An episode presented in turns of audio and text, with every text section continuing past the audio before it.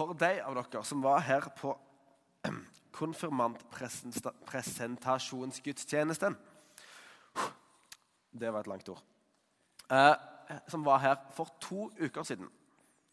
Så husker du forhåpentligvis at dette skoleåret eh, så jobber vi spesielt med tema tilhørighet her i Lura menighet. Eh, på gudstjenesten for to uker siden så snakka jeg om det å ha tilhørighet til kirka. Både til den lokale kirka her på Lura og på en måte kirka som helhet. Guds verdensvide kirke. Eh, og hva, måte, hva, det innebærer. Og om at jeg egentlig kan se ganske ulikt ut, denne tilhørigheten. Og at en både kan ha en tilhørighet til bygget måte, det, er, altså det, er, ganske mange ting en kan ha tilhørighet til som har med kirke å gjøre. Som dere sikkert allerede har registrert, eh, så er dette en litt spesiell gudstjeneste. En gudstjeneste der søndagsgudstjenesten, høymessa, møter ungdomsgudstjenesten. Her i kirka har vi kalt disse ungdomsgudstjenestene for Revelation. Eller åpenbaring, som det blir på norsk. For i gudstjenesten, hva er det som skjer der? Jo, Gud han gjør seg tilgjengelig. Han åpenbarer seg for oss. Han viser mer av hvem han er. Og han viser nye sider med seg sjøl hele veien. På disse her Revelation-gudstjenestene, som vi har eh, ca. én lørdag i måneden, en lørdagskveld i måneden, eh, så har vi òg et tema denne høsten. Og Der har vi tema troshelter.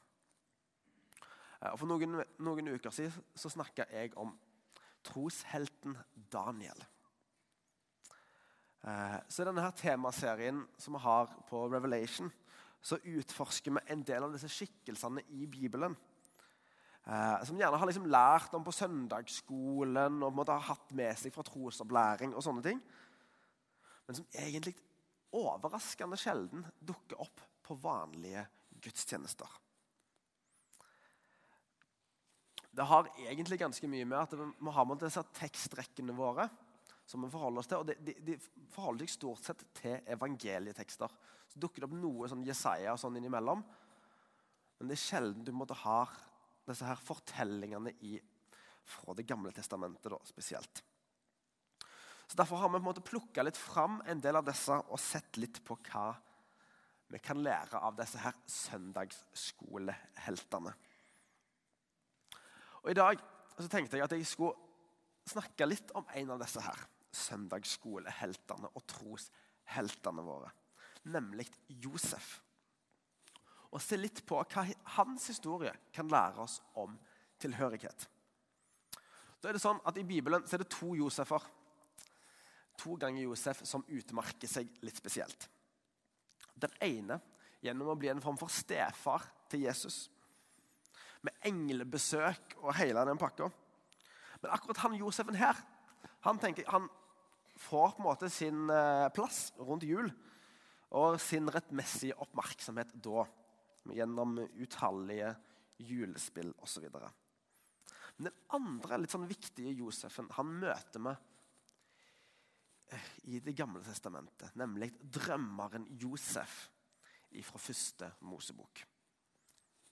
Boka Første Mosebok inneholder et ganske sånn spektakulært og spenstig persongalleri.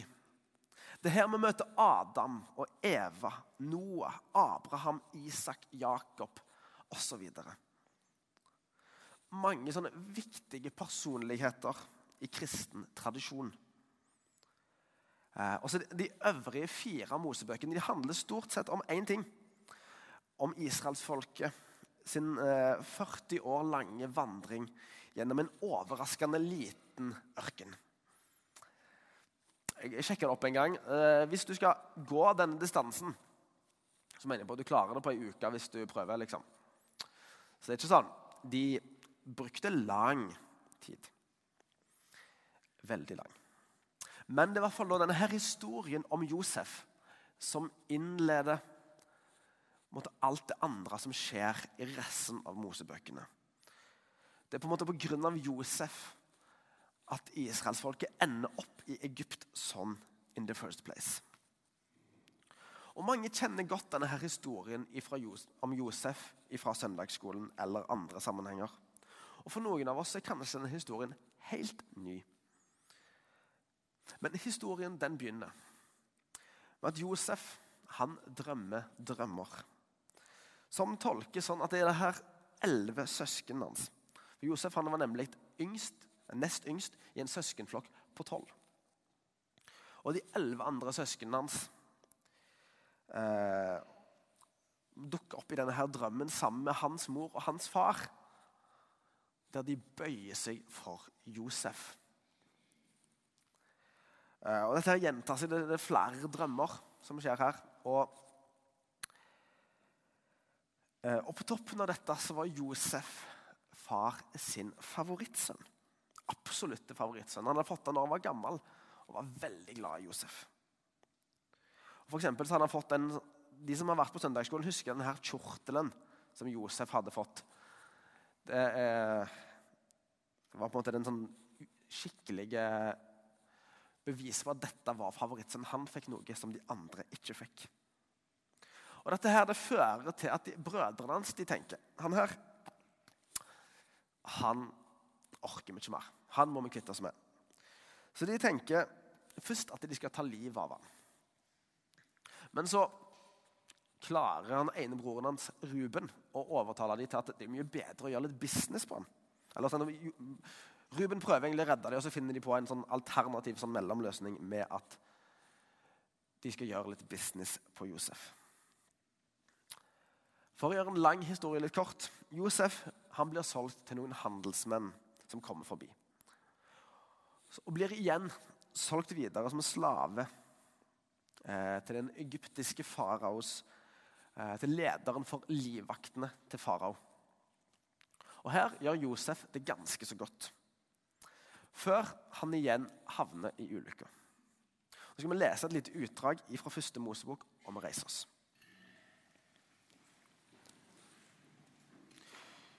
Josef ble ført ned til Egypt. Potifar, en egypter som var hoffmann hos farao og sjef for livvakten, kjøpte ham av ismalittene som hadde tatt han, med dit. Herren var med Josef og lot ham lykkes.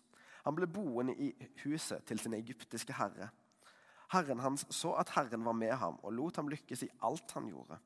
Josef vant velvilje hos herren sin og ble hans tjener. Potifar satte ham til å styre sitt hus og lot ham ta hånd om alt han eide.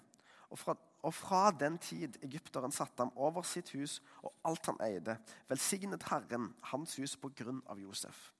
Herrens velsignelse hvilte over alt det han eide, både i huset og på marken. Han lot Josef ta hånd om alt han eide, og bekymret seg ikke for noe, bortsett fra maten han spiste. Så legger forfatteren til Josef var velskapt og vakker. Vi setter oss igjen.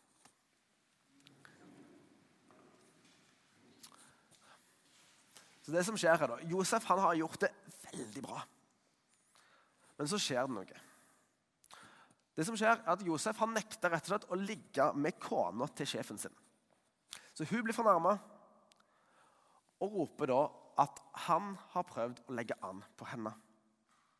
Dette her fører til at Josef, noe ufortjent vil man kanskje si, havner i fengsel.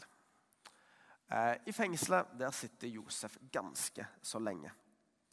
Der treffer han også kongens bakemester og kongens overmunnskjenk, eller vinkelner på godt norsk, eh, som hadde gjort seg litt upopulære hos farao og hadde havna i fengselet. Um, og Her da, vender et slags gjennomgangstema i historien om Josef tilbake, nemlig drømmene. Og Begge disse mennene de hadde spesielle drømmer. Og Josef han kom med en tydning på disse drømmene på samme måte eh, ja, Som forklarte på en måte det som kom til å skje, og det som, det som kom til å skje, det skjedde. Eh, etter tid da, så begynte også farao å drømme spesielle drømmer. Og Han er over munnskjenken. Han hadde fått tilbake jobben sin hos farao. Eh, han kommer på dette her, han har opplevelsen fra fengselet. Og Så forteller han farao hva som hadde skjedd. Og at Josef hadde tyda drømmene hans. Og at det Josef hadde sagt at kom til å skje, det skjedde. Og det er nå det virkelig begynner å skje spesielle ting rundt Josef. For farao han drømmer mildt sagt rare ting. Faraos drøm den handla, det var to drømmer. Den ene handla om syv magre og syv feite kyr som spiste hverandre. Og sju bugnende og syv tynne kornaks, som kanskje enda rarere spiste hverandre. Jeg kan gå på en måte med på at en ku skal klare å spise en ku, men at et kornaks spiser et kornaks, det er litt rart, syns jeg. Det er ganske rare og spesielle drømmer, altså. Jeg må innrømme at jeg har ikke veldig for vane å liksom drømme veldig sånn, ting som gir veldig mening. uten at jeg skal gå så veldig inn på det. Men drømmer er stort sett nokså forvirrende for de fleste av oss, vil jeg tro. Men i alle fall så kommer Josef på banen her. Og farao han, for han hører på tipset ifra munnskjenken og henter Josef opp ifra fangehullet. Og På dette her tidspunktet så er det altså hele 13 år siden Josef ble skilt ifra familien sin og ble solgt til Egypt. Josef han forklarer eh, at dette, denne drømmen det betyr at det skal komme syv år der landet lever i overflod. Før landet skal oppleve syv år med sult og med hungersnød. Og Josef han legger til dette er det smarte, at det kan være lurt å samle opp de sju første årene. Sånn at du har mat til de syv siste. Ganske lurt. Og Farao han, han, hører på Josef. Han tror det Josef sier, er sant. Og han, ikke nok med det, han gir Josef jobben med å lede denne innsamlingen. Og Det står faktisk at han får, den, den, han får den nest øverste jobben i landet. Kun farao er over ham. En sånn slags sånn form for en statsministerrolle. Der kun kongen, altså farao, er over ham. Og For dere ungdommer som var på Revelation tidligere i september Ja, her minner historien veldig om historien om Daniel. Men hva er det som er så spesielt med han her Josef? Hvorfor i all verden kunne Josef tyde drømmer? Hvorfor endte Josef opp med å bli den nest øverste lederen i landet? Han som ble solgt til Egypt som slave. Han var i en måte helt nede, og plutselig er han der oppe. Jeg tenker at Mye av forklaringen det ligger i årets tema her i kirka nemlig tilhørighet. For Josef han hadde hele tida en sterk tilhørighet til Gud. Han hadde valgt å sette sin lit til Gud. Stolte på at Gud hadde kontroll. Jeg tenker at Det ville vært veldig lett for Josef bare å bukke unna alt dette. her. For Han ble utsatt for et hav av prøvelser. Altså Først blir han nesten drept av sine egne brødre, før de selger han. Og Når han endelig har kommet seg på beina igjen, måtte fått verdigheten sin tilbake og fått seg en ok jobb, så blir han kasta i fengsel. Men i alle fall, ifra han snakker med disse to fangene som drømmer, med disse fangene med drømmene i fengselet, så går det faktisk hele to år før han ender opp hos farao som tyder drømmene hans. Så det går veldig lang tid her. Josef han møtte et hav av motgang. Han fikk rett og slett mange slag i ansiktet. Av både familie og av arbeidsgiveren sin. I historien om Josef, som egentlig på, ganske, på tolv ganske lange kapitler eh, Så jeg skal ikke lese alle de her i dag. Eh, men det står i slutten av den første Mosebok, fra kapittel 38. Det begynner utover. Les de gjerne når du kommer hjem. altså. Det er ganske en spennende historie. Men iallfall. Det skjer en del sånn positive og en del negative ting i denne historien. Men i kapittel 39 så står det For Herren var med Josef. For Herren lot alt han gjorde, lykkes for ham. Jeg leser det en gang til. For Herren var med Josef. For Herren lot alt han gjorde, lykkes for ham. Det er sånn ganske bemerkelsesverdig. Her står det altså at Herren, altså Gud, var med Josef hele tida. Det er greit nok. Det har vi hørt før. sant? At Gud er med oss hele veien. Alt det der. Det har vi hørt. Uh, Selv når det er vanskelig osv. Men at Gud lot alt Josef gjør, lykkes. Det har vi akkurat lest at det ikke stemmer. Sant? Han havna i fengsel osv. osv. Det er ikke det, jeg, det første jeg tenker på når jeg tenker på å lykkes. Kan hun legge til at dette avsnittet dukker opp mens Josef sitter i fengselet. Men jeg hadde tenkt at dette handler om at selv om Josef noen ganger helt sikkert følte at alt gikk rett vest, så bruker Gud hele veien alt det som skjer, til noe positivt. For Jeg tror ingen av oss hadde tenkt at Josef var en dust om han, om han hadde forkasta hele denne her guden som han hadde lært om og oppvokst til å tro på. Denne her guden som skulle passe på ham og alltid vise ham veien.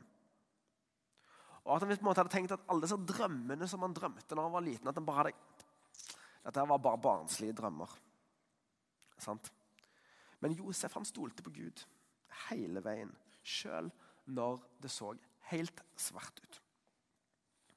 Og så er det faktisk sånn at I Gamle testamentet så er trenden det motsatte.